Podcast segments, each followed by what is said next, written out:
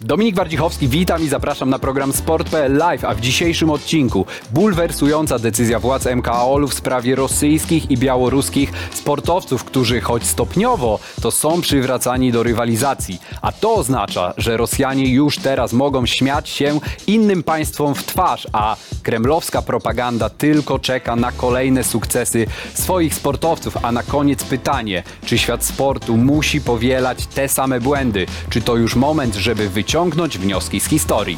Startujemy. Już jesteśmy w studiu, a ze mną znakomici goście. Michał Banasiak, dziennikarz i analityk relacji sportu i polityki. Dobry wieczór. Dobry wieczór.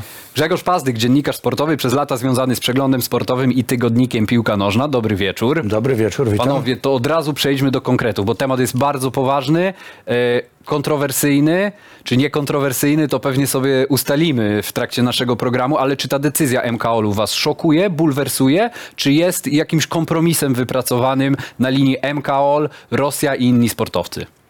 Dla mnie to jest po pierwsze kompromis, oczywiście bardzo zgniły, ale jednak. Po drugie to jest e, taka ucieczka MKOL-u w to, żeby coś zrobić, ale w bardzo mm, taki delikatny sposób, w białych rękawiczkach. I jeszcze odwlec tę najważniejszą decyzję, czyli Igrzyska Olimpijskie w Paryżu i co zrobić z rosyjskimi i białoruskimi sportowcami w kontekście tych igrzysk, bo te rekomendacje, które MKOL przedstawił, one oczywiście uchylają furtkę, ale na razie na te bieżące zawody o igrzyskach mowy jeszcze nie ma. No i właśnie to jest uchylenie furtki i to wszystko jest robione w taki sposób, żeby MKOL mógł się wybronić, że przecież my niczego nie nakazujemy, my de facto Rosjan, Białorusinów nie przywracamy, niech sobie zdecydują poszczególne federacje sportowe, więc taka psychologia.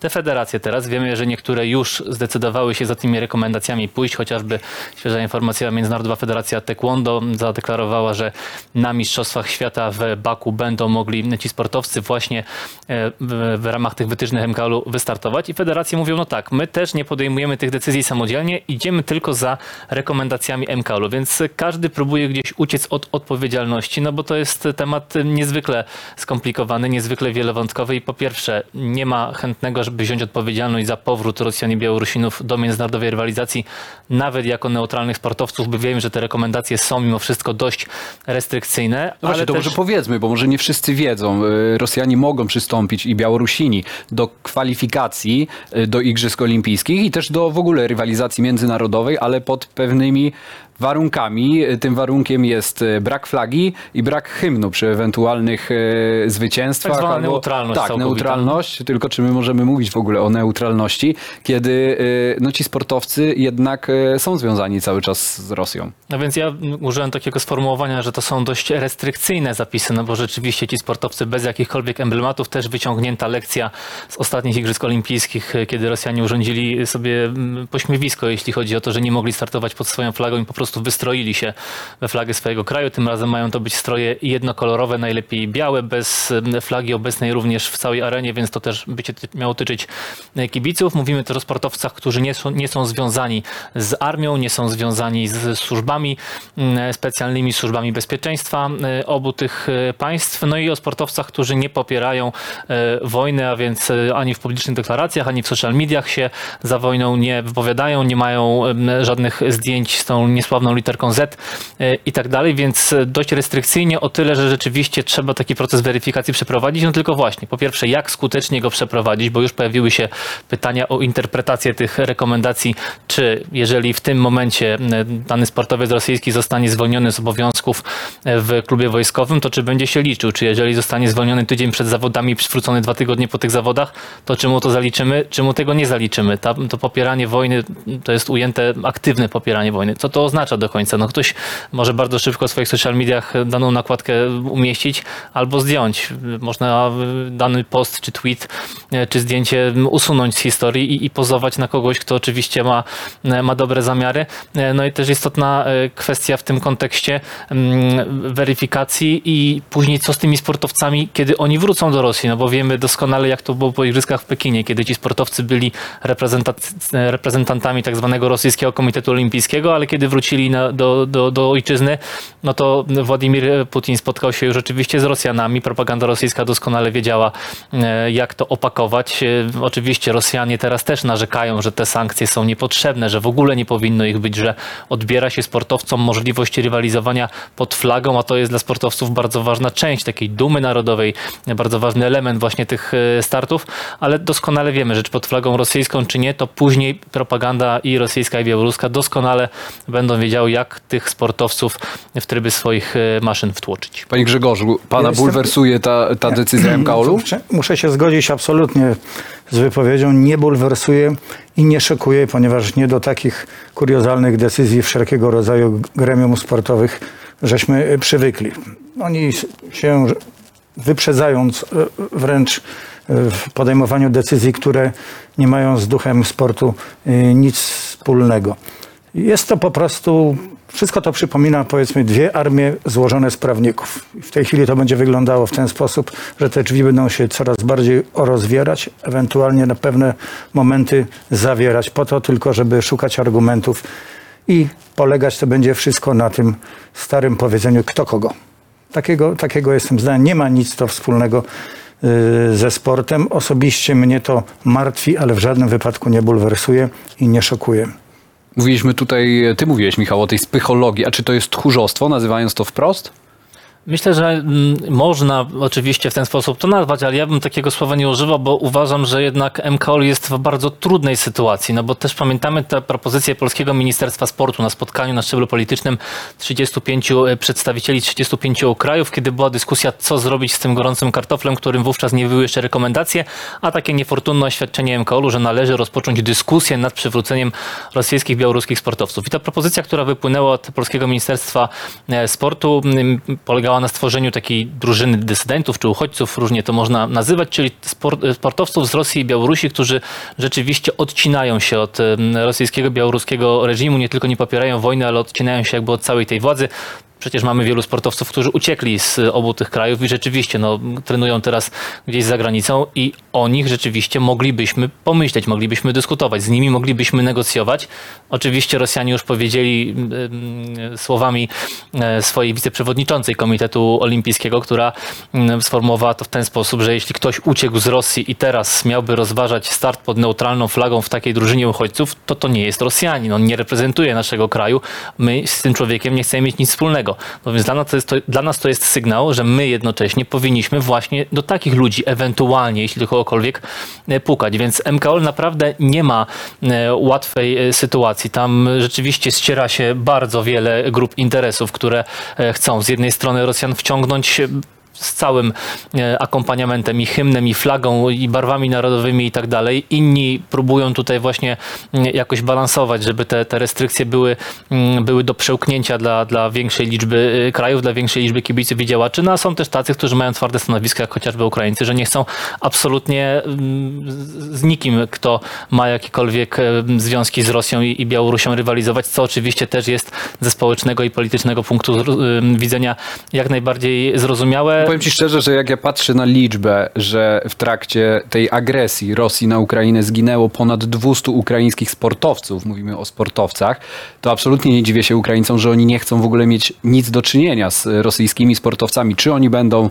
rywalizować pod flagą e, Rosji, czy będą e, bez barw, e, będą w cudzysłowie neutralni. A to już są takie najbardziej tragiczne dane dotyczące tych, którzy stracili życia. Przecież jest mnóstwo sportowców, którzy no, nie mogą trenować z uwagi na to, że albo są sami zaangażowani w działania wojenne, nie tylko poprzez walkę na froncie, ale działania logistyczne, zbieranie pieniędzy. No, Czy po prostu nie mają gdzie, bo ponad 300 obiektów e, na terenie Ukrainy Dokładnie zostało tak, albo zniszczonych. po prostu no, to jest też obciążenie psychiczne, no bo wiemy, że sami stracili swoich bliskich, swoich przyjaciół, niektórzy zostali zmuszeni do tego, żeby wyjechać z kraju, więc e, to, o czym teraz mówią Ukraińcy, że MKOL powołuje się na ONZ, w ONZ mamy e, panią Oksantaki, która zajmuje się mm, dyskryminacją, prawami kulturowymi i tak dalej.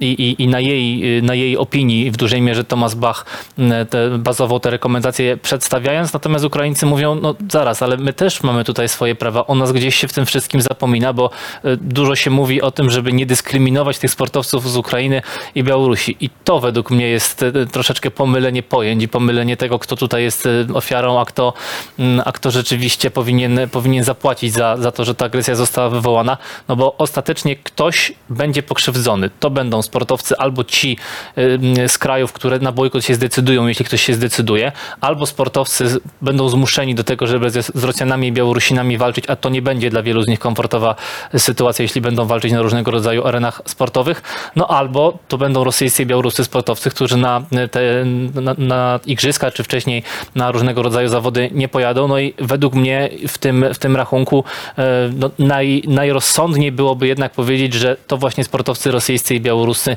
jeśli ktoś ma ponieść cenę, to powinni być e, oni, bo też zdaję sobie sprawę, że wielu z nich nie pisało się na to, żeby uczestniczyć w, w, w takiej rzeczywistości, jaką mamy od ponad roku. No ale jeśli, jeśli odpowiedzialność zbiorowa tutaj musi, musi zaistnieć, a, a według mnie w którąś stronę musi, no to chyba byłoby dobrze dla, dla świata międzynarodowego, dla świata sportowego, żeby jednak to byli sportowcy z tych dwóch krajów, a nie z innych. No właśnie, bo tutaj też y, mówimy o tym, często pojawia się argument, że nie można karać jednostki za czyny chorego człowieka, e, bo tak trzeba nazwać Władimira Putina. E, czy pan się z tym zgadza, czy dla pana to jest argument niedorzeczny? Ja uważam, że każdy odpowiada za siebie i nie jest najistotniejsze, czy karzemy jednostkę za to, że odpowiada za, y, że odpowiada, czy popełnia czyny, do którego zmusza ją, czy, czy, czy ukierunkowuje człowiek uważany powszechnie za szaleńca, bo w rezultacie tak czy inaczej popełnia tak zwany delikt. Ja w swojej pewnego rodzaju naiwności myślałem, że ta sprawa zostanie jakoś ogarnięta, jakoś opanowana. Otóż wydaje mi się, i być może to jest właśnie ta naiwność, że w przestrzeni, że w każdym narodzie funkcjonują takie trzy niezależne przestrzenie. To jest przestrzeń polityczna, sportowa i kulturalna. Nazwijmy to artystyczna. Wydawało mi się, że jeżeli potrafimy odizolować taki kraj od reszty, że tak powiem, populacji, ograniczając dostęp do świata na, na kanwie, na, na niwie tych trzech płaszczyzn, to znaczy na niwie sportowej, kulturalnej i politycznej, to wówczas w narodzie, nawet najbardziej zepsutym i podatnym na kierownictwo, podatnym na działanie jednostki, dochodzi do pewnego rodzaju opamiętania. I, i może mogliby pomyśleć następująco. Dlaczego z nami nikt nie chce grać w piłkę nożną? Dlaczego nikt nie chce oglądać naszych filmów? Dlaczego, nikt, dlaczego wszyscy nas tak nie lubią, wszyscy nienawidzą? Oczywiście, może by to do niczego nie doprowadziło, ale jakieś szanse by były. Natomiast tu się nie zachowuje żadnych pozorów. Ja już pomijam fakt, że strzela się do ludzi w okresie trwania zawodów o charakterze globalnym czy, czy kontynentalnym, jak Mistrzostwa Świata w piłce nożnej. Przecież żadne działania wojenne nie ustały, prawda? Co więcej, przed chwili- tym jak Rosja chwili- organizowała Mistrzostwa Świata, to de facto wtedy zaczęła się ta wojna, bo zaczęła się od aneksji Krymu. I, i wtedy y, świat nie piętnował tak Rosji, bo, bo nie było to aż takim tematem y, globalnym. Wtedy politycy na łużnikach przyjeżdżali na finał y, Mistrzostw Świata i robili sobie zdjęcia z Putinem i wręczali mu y, jakieś pamiątki, prezenty w narodowych barwach, co, co teraz jest nie do pomyślenia. Najgorsze jest wszystkim w ty, to, że świat jest doskonale zorientowany, że tak powiem, w mentalności rosyjskiej. Świat już od dziesięcioleci ma przykłady na to, jak oni potrafią się zachowywać. Ja przepraszam, że mówię oni, bo moje stanowisko jest jasne. Nie, nie wyraziłem go na początku tego programu. Jestem przeciwny wszelkim formom dopuszczenia tych sportowców do jakichkolwiek zawodów o charakterze właśnie, jak nadmieniłem, światowym czy kontynentalnym. Natomiast my dajemy im bez przerwy szansę na powielanie swojego zachowania się. Oni robią to samo od dziesiątków lat. Oni, właśnie, bo- oni, oni już zaczęli to przy okazji, ja jeszcze byłem bardzo młodym człowiekiem, pamiętam w jaki sposób doszło do sytuacji między Chilijczykami a y, Związkiem Radzieckim. Chodzi o słynny mecz na stadionie, gdzie Pinochet uczynił sobie z tego stadionu obóz koncentracyjny. Co tam się działo? Dlaczego dwa narody o zupełnie różnym ustroju nie mogły ze sobą, że tak powiem, dojść do porozumienia na trawie? W sytuacji, gdy obie twierdziły, że politykę od sportu należy absolutnie oddzielać. Dlaczego nie mogli zagrać To po jest takie prostu bardzo chwytliwe to, to jest hasło, no. którego chyba nie da się w ogóle zrealizować. Yy, Nie uważasz tak, Michał, że, że sport jest połączony z polityką i przede wszystkim jest wykorzystywany przez politykę? Jest połączone nierozerwalnie Mhm. i według mnie to hasło o niełączeniu sportu z polityką jest jednym z najbardziej politycznych haseł i jest zawsze I chyba wprost wykorzystywane mówiąc głupim po prostu. totalnie, totalnie pustym przede wszystkim. I- Utopijnym. Tak, i takie takim, który, który jest wykorzystywany bardzo często przez tych, przez tych, którzy sami jakąś politykę realizują. No bo jeżeli teraz byśmy y, wzięli, wzięli e, na tapet tych, którzy e, tym hasłem próbują szafować i podzielili ich na grupy, no to Rosjanie powiedzą, nie mieszajmy sportu z polityką, dopuśćmy naszych e, zawodników no, do startów. Ukraińcy powiedzą, nie mieszajmy sportu z polityką, wykluczmy Rosjan i, i tak dalej, i tak dalej. Każdy będzie, e, będzie używał tego hasła na swoje potrzeby i każdy będzie wykorzystywał e, to hasło po to, żeby bronić swoich racji. Więc z tym hasłem się fundamentalnie nie zgadzam i, i absolutnie ono do mnie nie trafia, bo relacje sportu z polityką to jest coś, co nie jest wymysłem XXI wieku, dzisiejszych autokratów i, i czymś, przez co my powinniśmy mieć jakiegoś kaca moralnego, że pozwoliliśmy na to, bo relacje sportu, sportu z polityką to jest, mm, to jest coś, co mieliśmy już u zarania igrzysk jeszcze starożytnych, kiedy miasta państwa między sobą rywalizowały i to też była rywalizacja w dużej mierze mm, polityczna. Natomiast e, też myślę, że my trochę w tej narracji e, tak, e, tak mm, mówimy o tym, że powinniśmy Rosjan wykluczyć, tylko kto jest tym my? No bo nie mamy, widzimy na, na, na kanwie politycznej, że nie jesteśmy w stanie Rosjan odizolować. Mamy teraz rosyjską prezydencję w ONZ, więc to jest w ogóle sytuacja całkowicie absurdalna. Rosjanie przez dekady osiedli bardzo mocno i bardzo głęboko w różnego rodzaju strukturach organizacji międzynarodowych, czy politycznych, czy sportowych, czy kulturalnych i dzisiaj płacimy za to cenę. Też widzimy, jak zachowują się kraje tak zwanego globalnego południa, które albo stają po stronie Rosji, albo przynajmniej się od tego dystansują, no bo dla nich ta wojna jest jakimś faktycznie regionalnym konfliktem, który ich nie interesuje. Tak jak my czasami na paskach in- informacyjnych w serwisach widzimy, że gdzieś w jakimś afrykańskim kraju, czy w kraju Azji Środkowej mamy informację, że doszło do jakiegoś wybuchu, do jakiegoś zamachu, zginęło kilkadziesiąt czy kilkaset osób i patrzymy na to właśnie z perspektywy paska informacyjnego. Tak w tych krajach postrzegana jest wojna w Ukrainie. Tam doniesienia o tym, że gdzieś wybucha bomba, że były ataki na, na cywilów, to wpadają najczęściej co najwyżej na pasek informacyjny i kiedy rzeczywiście pojawi się coś dużego, no to ewentualnie media są w stanie mm, się tym zainteresować, ale też e, ta narracja nie jest taka jak u nas, nie jest zero-jedynkowa, tylko też każdy waży swoje Właśnie, bo my interesy. się z tymi dramatami e, Ukraińców spotykamy na co dzień i też myślę, że to, o czym wspomniałeś, to też jest w pewnym sensie wyjaśnienie słów, e, które w rozmowie z Łukaszem Jakimiakiem, które możecie przeczytać e, na sport.pl, e, przytoczyła Maja Włoszczowska, która działa w MKOL-u, jest wewnątrz i przekazała, jak to wyglądało ze strony sportowców. Ja to przeczytam Państwu.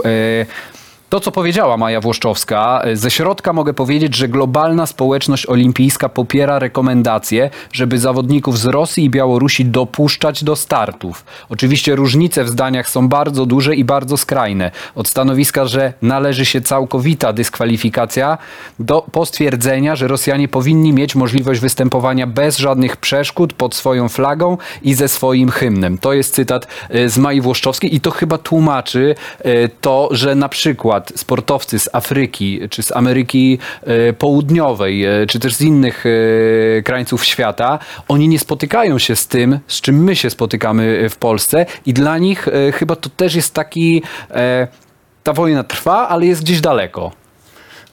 Tak, niewątpliwie tak.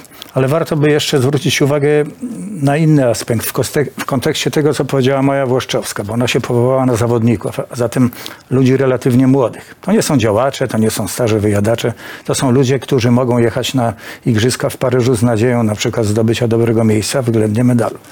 Ale dochodzi do tego jeszcze jeden aspekt. Mianowicie nie znamy wszystkich systemów prawnych poszczególnych państw na przykład, których może dotknąć problem wycofania się z Igrzysk Olimpijskich. Można sobie wyobrazić, zgaduję, właśnie nie zgaduję w tej chwili, jakoś staram się domniemywać, co, co się stanie, jeśli na przykład tacy sportow, sportowcy w stosunku do własnych rządów, ewentualnie nawet do MKOL-u, przecież teoretycznie jest to możliwe, wystosują zgro- jakieś zbiorowe protesty, sprzeciwy, pozwy. Kto im zwróci pieniądze za czas przygotowania się do tych igrzysk? Jeżeli jeszcze poruszymy aspekt tak zwanej swobodnej i uczciwej rywalizacji, to są takie dyscypliny sportu, które trudno sobie wręcz wyobrazić bez Rosjan. Taką dyscypliną sportu są na przykład zapasy. Ja dosyć mocno kiedyś byłem ulokowany w tej dyscyplinie sportu i sytuacja w tej chwili wygląda tak, że Rosjanie śmieją się i mają rację w pewnym sensie, twierdząc, że wszelkie mistrzostwa Europy, świata, seniorów, juniorów, młodzików są, tak, są niczym więcej jak wojarzem czy batalią o drugie i trzecie miejsce. Ponieważ oni są przyzwyczajeni do tego, że na 17 czy 18 kategorii wagowych nawet na 24 kategorie wagowe w, w, u dwóch płci, prawda? Potrafią przywozić po 14-15 złotych medali. Więc czym w istocie jest taka lekka rywalizacja pozbawiona ich obecności?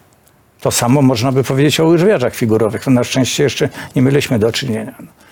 No. Ale jaki sens ma e, organizacja tańców na lodzie czy skoków na lodzie w wykonaniu par bez nich? No, no, no naprawdę jest to walka już nie tyle o pietruszkę, ale o splendor cokolwiek niższy niż w sytuacji, gdy mogliby startować sami. Dlatego Maja Włoszczowska między innymi twierdzi o zawodnikach, których za mało słuchamy. W to też się trzeba wsłuchać, tylko trzeba to jakoś wyważyć.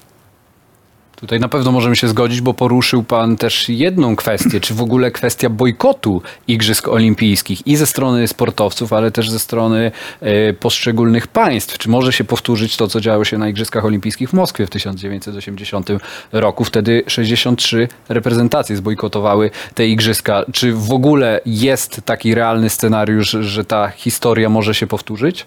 Taki scenariusz jest, natomiast tak jak powiedział minister Kamil Bortniczuk, to jest ostateczność, bo my nie chcemy po to sięgać, gdyż wiemy, że bojkot de facto byłby porażką, bo to by oznaczało, że nie byliśmy w stanie zabiegami dyplomatycznymi, wywieraniem presji na MKOL doprowadzić do tego, żeby mm, igrzyska odbyły się według formuły, jaką my, mam tutaj na myśli mm, przeciwników startu rosyjskich, białoruskich sportowców, widzielibyśmy e, w Paryżu, więc do igrzysk zostało jeszcze ponad 12 miesięcy. Oczywiście teraz wystartowały już kwalifikacje olimpijskie, więc ta dyskusja e, trwa i jest bardzo gorąca. Natomiast trzeba zrobić wszystko, żeby tą presją dyplomatyczną e, widmo bojkotu odsunąć, bo to będzie ukaranie przede wszystkim własnych sportowców, którzy nie będą mogli na igrzyska pojechać. E, Wiemy, że niektórzy sportowcy również z tych 35 krajów, o których em, mówiłem, czyli tych krajów, które już taką koalicję zawiązały, że będą na MKOL naciskać i sportowcy, część sportowców z tych krajów już zapowiedziała, że w przypadku bojkotu no, będą albo pozywać własne federacje, własne komitety olimpijskie czy własne ministerstwa, albo po prostu będą szukać innej drogi dostania się na igrzyska, no bo dla tych zawodników to jest często najważniejsza impreza, nie tylko czterolecia, ale najważniejsza impreza w karierze, bo czasem to jest jedyna szansa w życiu, żeby pojechać na igrzyska, a jeżeli nie jedna w życiu szansa, to jedna szansa w życiu na medal, no bo taką olimpijską e, formę bardzo trudno jest uzyskać. Ale panowie, bo skoro już jesteśmy przy Igrzyskach Moskiewskich, zapewne nie pamiętają tej imprezy. Ja mam tę przewagę, że ja ją pamiętam. Pamiętam ten moment, kiedy się świat dowiedział, że kilkadziesiąt państw po prostu postanowiło sobie tam nie pojechać. I rzeczywiście, tak jak pan wspomniał, stało się to re- relatywnie niedługo przed pierwszym, że tak się powiem, że tak się wyrażę, gwizdkiem sędziego. Więc próbowano tę sytuację jakoś ratować. Może panowie o tym wiedzą, może nie, ale były to mistrzostwa, podczas których nieobecność tak, wielej, tak, tak wielkiej liczby krajów postanowiono sobie zrekompensować.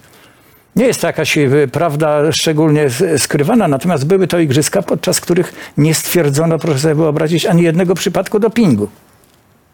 To jest Ponie- bardzo ciekawa kwestia, bo ponieważ, to jest... ponieważ chciano jakoś zreperować jakoś y, sytuację, która powstała po tej potężnej wyrwie.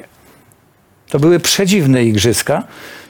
To były igrzyska, gdzie było widać jak na dłoni, że co poszczególni zawodnicy, i to z naszego, że tak powiem, obozu politycznego, śmiało i jawnie sięgali po doping. Niestety jakiekolwiek badania tego nie potwierdziły. Nie było. To było coś niesamowitego. Myśmy przecierali oczy, wielokrotnie rozmawiałem z tym na ten temat z mistrzem i wicemistrzem olimpijskim Jackiem Wszołą. On był po prostu zadziwiony. Do tego prowadzą właśnie bojkoty. To, to jest tak zwana uboczna, uboczna rana, która się jątrzy po odstąpieniu od rywalizacji krajów. A zrobić wszystko, żeby zatrzeć złe wrażenie, to nie jest, nie jest wielkim problemem, naprawdę. Tu też przytoczył pan jedną rzecz, któr- o której mówi Maja Włoszczowska w rozmowie z Łukaszem Jachimiakiem, że sportowcy bardziej niż bojkotu, czy w ogóle e, rywalizacji z e, Rosjanami, e, boją się tego, że oni od już x miesięcy nie są praktycznie pod żadnym nadzorem antydopingowym. Co też może budzić no, gigantyczne kontrowersje przed igrzyskami. Jest, jest to problem. Ja, to jest, I bardzo dobrze, że go pan poruszył, ponieważ w ogóle doping w sporcie to jest bardzo ciekawe zjawisko. Wbrew temu, co się mówi, doping w sporcie to w żadnym wypadku nie jest wynalazek Rosji, ani krajów, które, które głoszą podobne do niej teorie. To jest problem ogólnoświatowy. Natomiast doping u sportowca wykazując się pewnego rodzaju elastycznością, można porównać do pięciokątu. On dotyczy tylko pięciu podmiotów. To jest zawodnik, trener, lekarz, dostawca i producent. Wszystko to się dzieje zazwyczaj, a właściwie zawsze, w tajemnicy przed czymś e, czynnikiem oficjalnym, jakie jest państwo. Państwo zasadniczo o tym nie wie. I dlatego Rosjanie popadli w tak straszne problemy, ponieważ u nich doping zawierał sześć punktów, a tym szóstym było państwo, czyli związek sportowy. Ten szósty był wręcz kluczowy. Tak, bo on tym wszystkim zawiadywał. Stąd się zaczęło to całe ich nieszczęście. I Maja Włoszczowska nawiązała do tego, zapewne znając spryt i przebiegłość i umiejętność po prostu konstruktywnego myślenia i działania tejże nacji sportowej, w zakresie sportu, żeby nie było niedomówień, że obawia się, że udoskonalili to, co wydaje się już trudne do udoskonalenia. A tym jest właśnie doping. Co może wypatrzyć oczywiście rywalizację w Paryżu, e, ale też we wcześniejszych e, rywalizacjach, no bo wiemy jak to wyglądało e, w przeszłości. Też mamy przykłady z historii. Ja zacząłem ten program trochę od tego, czy, czy w sporcie cały czas musimy powielać te błędy, które, które były w przeszłości, bo pewnie to trochę przypomina nam to, co działo się w czasach słusznie minionych.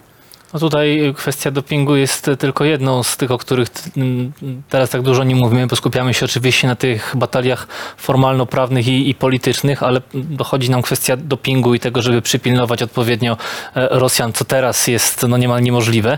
Plus dochodzi nam kwestia gwarancji bezpieczeństwa dla tych delegacji, bo to nie są tylko sportowcy, którzy pojadą na konkretne imprezy, to są całe delegacje, to są sztaby trenerskie, to są różnego rodzaju oficjele, którzy też tym rekomendacjom MKOL-u podlegają, ale jeżeli mm, uchylamy tę furtkę, to uchylamy też dla części oficjeli, no i później, jeśli tacy sportowcy gdzieś jadą, no to będą startować na, na, na, na arenach w różnych krajach, będą startować przy, przy pewnie gwizdach w wielu przypadkach e, kibiców. No i ja sobie dziś nie wyobrażam takiej sytuacji, żeby rosyjscy sportowcy przyjechali do Polski i na przykład przy pełnej hali czy przy pełnym stadionie rosyjski sportowiec, nawet jeśli ubrany w biały strój, bez swojej flagi i bez swojego hymnu, miał rywalizować ze sportowcem polskim, czy rosyjska drużyna miała rywalizować z drużyną polską. Oczywiście drużyny są z tych rekomendacji w tym momencie wyłączone, ale można sobie wyobrazić, że jakiś związek tych rekomendacji nie posłucha, bo nie musi, to nie jest e, nic em, obowiązkowego e, i, i że do takiej sytuacji dojdzie, więc e, mam wrażenie, że gdzieś jeszcze ci oficjele tego nie biorą pod uwagę. Tylko, tylko, tylko, nie, tylko uderzmy się w piersi i, i, i spójrzmy wprawdzie w oczy. Sportowcy rosyjscy, przedtem radzieccy, kiedykolwiek by do Polski nie przyjeżdżali, nie, nie trzeba było żadnych bo, bojkotów. Oczywiście. Oni zawsze byli tutaj witani w sposób zupełnie y, je- jednoznaczny Ale i, teraz było te im ciężko. no. społeczne są rzeczywiście jeszcze bardziej rozpalone i wydaje mi się, że do, mogłoby dojść do sytuacji, w której ktoś po prostu posunąłby się o jeden krok za daleko, no i mielibyśmy No tak, to jest- to jest prawda. Kolejny, kolejny gotowiec dla rosyjskiej propagandy pod tytułem prowokacje, pod tytułem atak na naszych sportowców, pod tytułem to zgniły Zachód jest zły, a nie my. Byłem świadkiem nawet takiej sytuacji relatywnie niedawno, bo może z 10 lat temu działo się to na Final Four w, w Łodzi, na, na turnieju siatkarskim, gdzie zupełnie nieoczekiwanie w, w grono dziennikarskie wmieszał się jakiś dziennikarz e, rosyjski, który nie potrafił do końca pełnić e, funkcji dziennikarskiej, natomiast przedzierzgnął się w kibica przy okazji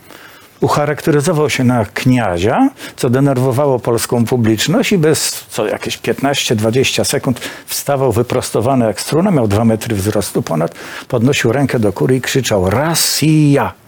I w pewnym momencie tylko dobremu charakterowi w nogach i, o, i pomocy ochrony zawdzięcza, że mu się nic nie stało. Co by się mogło stać teraz? Nie wiem. Wolałbym sobie tego nie wyobrażać i dlatego wolę, żeby ich do Polski specjalnie nie zapraszać. Przynajmniej jeszcze przez rok, dwa, nie wiadomo ile to wszystko A potrwa. spodziewa się pan, że jeżeli e, Rosjanie wystąpią na Igrzyskach Olimpijskich e, w Paryżu, e, nawet pod tą neutralną, e, jako neutralni sportowcy, bez flagi, bez hymnu, to można się spodziewać jakichś gestów politycznych w kierunku właśnie rosyjskich e, sportowców. No tutaj oczywiście najsłynniejszy gest chyba w historii polskiego sportu, czyli gest e, Kozakiewicza. Czy możemy mieć powtórkę? Gest Kosakiewicza skierowany był w stronę rosyjskich, rosyjskiej widowni, która zasiadła w sile 80 tysięcy osób. Niewykluczone, że taka Natomiast- widownia też w Paryżu się pojawi. Natomiast wyobrażam sobie taką sytuację. Może się tak zdarzyć. Może się tak zdarzyć, zwłaszcza jeśli okaże się, że są bardzo dobrze przygotowani. A to, I, i, nas zdoby, i, nas zdobywa, i, i zdobędą dużo medali. I w drugą stronę, czyli no właśnie, a to może być paliwo trochę, trochę dla, y, dla tej rosyjskiej, kremlowskiej propagandy? Oczywiście, no tu w międzyczasie mm, poruszyliśmy taki temat, że rosyjscy sportowcy mogą e, dostać, e, mogą dostać dyspensy od swoich władz, wypełnijcie co trzeba, przebierzcie się w białe e, ciuchy i tak dalej, i tak dalej, jedźcie, macie od nas błogosławieństwo, nie musi, możecie się sprzeciwić publicznie władzy, my dobrze wiemy o co chodzi, że tak trzeba, a, a po prostu macie jechać. Natomiast jeśli chodzi właśnie o weryfikację tych sportowców, to kto później ma przypilnować tego, żeby dany sportowiec stojąc na podium, nawet wystrojony na biało, pod białą flagą i tak dalej, nie zamanifestował czegoś, nie, nie, Nie powiedział czegoś. zetki, czy, czy tak, nie powiedział symboli? czegoś w jakimś wywiadzie i tak dalej. No, to są rzeczy nie do upilnowania, więc my się skupiamy na tych kwestiach właśnie prawnych, na kwestiach politycznych, no bo to jest dziś najważniejsze, to jest na tej pierwszej linii, ale jeżeli te, te linie przejdziemy, to dalej mamy całą masę problemów, które, które nam wyrastają. Doping, kwestie bezpieczeństwa, kwestie weryfikacji, przypilnowania e, tych sportowców, kwestie też psychologiczne dla, dla zawodników, no bo mieliśmy już przykład em, e, tenisistki z Ukrainy Curenko, która e, mówiła, że ona na myśl o rywalizacji z rosyjskimi zawodniczkami po prostu no, dostaje ataku paniki, że ona nie jest w stanie sobie tego wyobrazić, więc dla części sportowców wiemy, że na przykład w tenisie rosyjscy, białoruscy sportowcy rywalizują i, i, i gdzieś to środowisko co do zasady ich akceptuje, bo też zdarzały się przypadki, że nie wszyscy chcieli z nimi grać, ale można sobie wyobrazić, że byłyby takie przypadki, że rzeczywiście ktoś mógłby, mógłby być yy, no, psychi- psy- psychologicznie obciążony e, występem przeciwko takiemu sportowcowi, nie mówiąc o tym, że Rosjanie mogliby tutaj taką brudną, słowną grę e, uprawiać, jak to mamy nieraz w przypadku bramkarzy przed rzutami karnymi, że przed jakąś rywalizacją po prostu kilka słów o wojnie, kilka słów o tym, co spotkało jakiegoś sportowca, jeśli chodzi o jego rodzinę, no to są, no to, to są naprawdę dramatyczne sytuacje, o których dziś nie dyskutujemy, a o których trzeba by dyskutować, bo to są naprawdę bardzo ważne kwestie, które też powinny mieć wpływ na ostateczne, ostateczne decyzje w sprawie I Paryża. co więcej, Rosjanie mogliby być sportowo promowani, bo ja wyobrażam sobie taki scenariusz, że w danej dyscyplinie e, w wyniku losowania albo w wyniku kolejnych pojedynków e, Rosjanin trafia na reprezentanta Ukrainy, reprezentant Ukrainy mówi, że nie stanie do walki z e, Rosjaninem i wtedy walkover dla Rosjanina? Z punktu widzenia regulaminu chyba innego wyjścia nie ma. Tylko co z tym biednym Ukraińcem, którego trzeba będzie jeszcze w dodatku ukarać, zdaje się jakoś. I to też w myśl regulaminu stricte sportowego. No to jest właśnie ten problem, który poruszył jeden z moich kolegów dziennikarzy kilka dni temu, że skoro już bojkot, to lepiej od tego uciec, ale skoro już tam pojedziemy, to była rada skierowana do polskich sportowców, no to żeby robili dokładnie to samo. Trafiasz na Rosjanina, odklepujesz przed walką. Ale na to ani honor wojownika nie pozwoli, ani mentalność Polaka, czy mentalność Rosjanina, bo trzeba być, bo trzeba być sprawiedliwy. Jeden i drugi chciałby walczyć. Ja nie sądzę, żeby nawet Rosjanin czy ktokolwiek chciał wygrywać w ten sposób. No bo w to już jest w ogóle zaprzeczenie ca- całej zasady rywalizacji sportowej. Mieliśmy takie igrzyska, gdzie był mecz, mecz pi- piłki wodnej w basenie pełnym krwi, gdzie Węgrzy grali Tak. ze Związkiem Radzieckim, bo wówczas właśnie sytuacja polityczna między tymi krajami była napięta, więc teraz takich przypadków no, moglibyśmy mieć niestety więcej. Melbourne no bo, chyba Tak, Melbourne, tak. tak. E, I takich sytuacji moglibyśmy dziś mieć e, więcej, no bo e, dobrze wiemy, że, że w, w sportowej rywalizacji nie trudno o przekroczenie takiej granicy, kiedy ta rywalizacja fair play zamienia się w, w brudną grę i no, tego też chcielibyśmy uniknąć, więc no, tych argumentów za tym, żeby Rosjan nie było, przybywa za każdym e, krokiem, który robimy m, w głąb tej, e, tej dyskusji. Natomiast tak sobie myślę, że jeszcze, jeśli chodzi o tę presję, no to oczywiście mówimy o, o MKOL-u, mówimy o poszczególnych federacjach sportowych, ale brytyjska minister sportu wystosowała list do oficjalnych e, sponsorów Igrzysk Olimpijskich, żeby może oni też wypowiedzieli się w tej kwestii i oni zaczęli naciskać na MKOL i wydaje mi się to taka niewykorzystana ścieżka, no bo organizacje sportowe w dużej mierze też są pod wpływem rosyjskim, są pod wpływem rosyjskich działaczy, którzy co do zasady nie zostali e, wyrzuceni w przeciwieństwie do sportowców e, z, mm, z, z tych organizacji.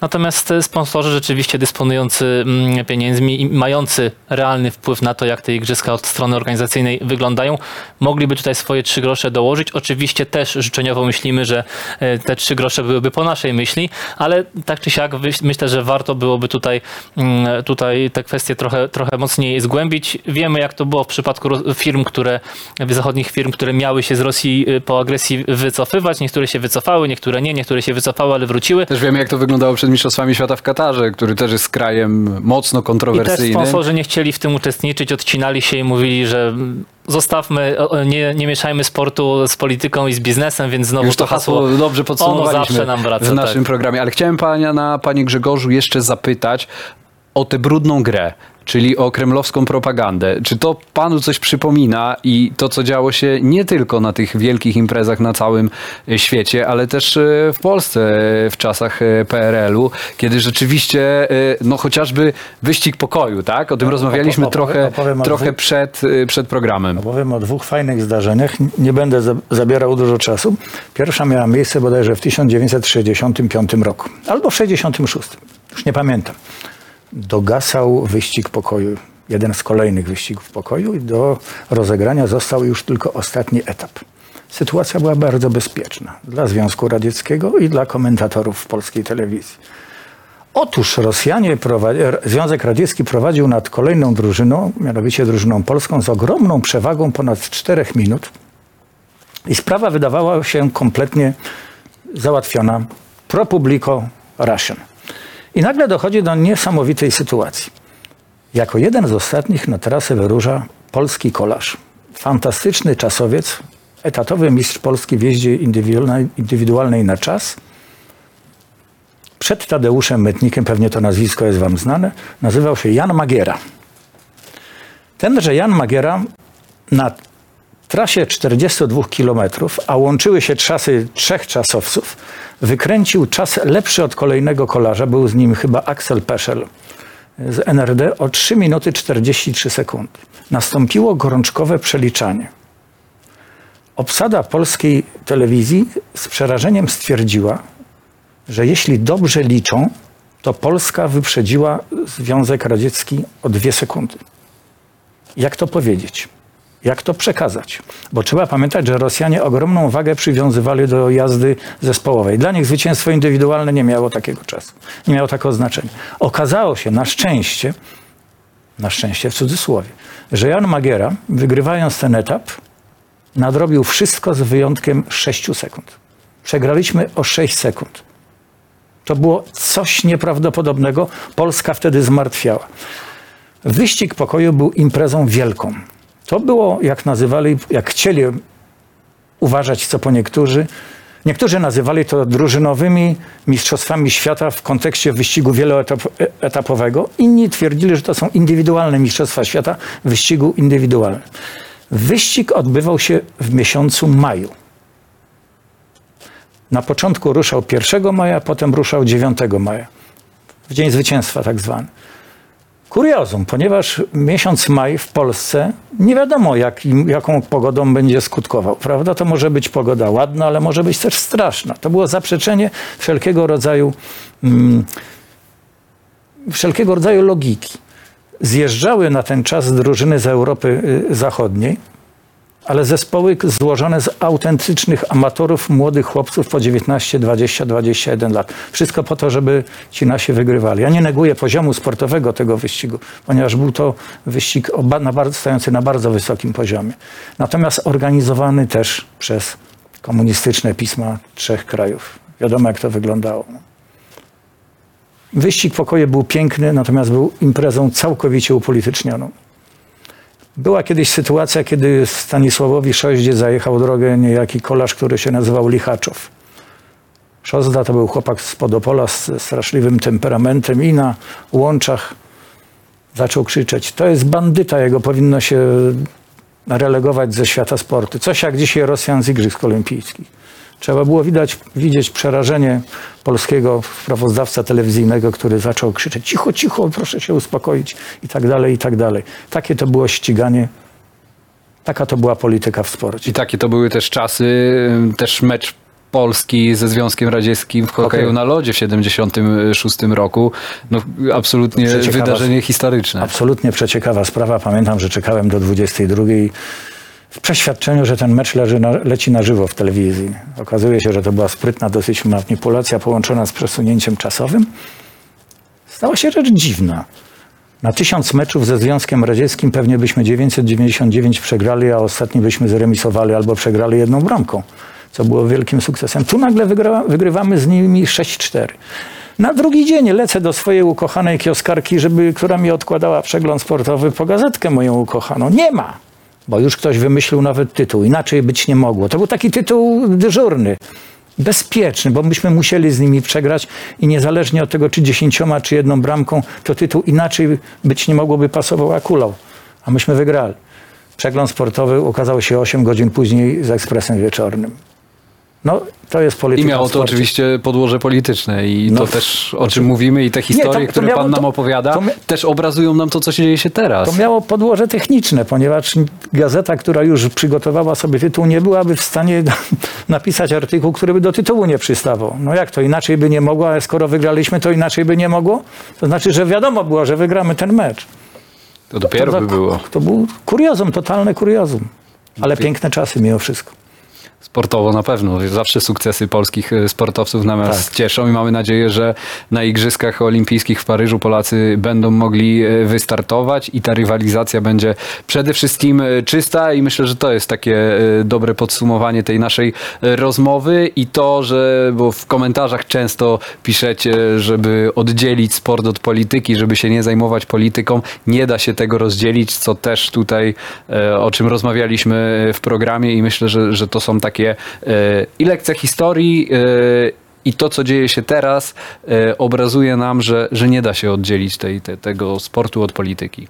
Nie da się oddzielić. Jedyne co to my powinniśmy starać się na każdym możliwym polu tak działać, żeby politycznie to było po, nas, po, po naszej myśli, no bo też nie da się doprowadzić do sytuacji, to jest utopijna sytuacja, żebyśmy wszyscy co do zasady na świecie zgodzili się, że Rosja jest agresorem i, i wszyscy ją potępiamy i rzeczywiście izolujemy na każdym możliwym polu, ale ten kordon sankcyjny również w sporcie widać, że działa, bo samo to, że Rosjanie też z tych nowych rekomendacji MKOL-u nie są zadowoleni, też je krytykują, też wskazują, że te sankcje są dla nich bolesne, to rzeczywiście jest dowód na to, że to jest słuszna droga i że to rosyjskie społeczeństwo, chociaż rzeczywiście chcielibyśmy, żeby ono było bardziej podatne na, na te różnego rodzaju e, sankcje z naszej strony na każdym polu, żeby faktycznie się obudziło, żeby faktycznie powiedziało nie, no to na razie jeszcze na to musimy, jak, jak widać, poczekać, ale warto mimo wszystko z tej drogi nie schodzić i jeszcze te kolejne śrubeczki e, dokręcać, bo może w końcu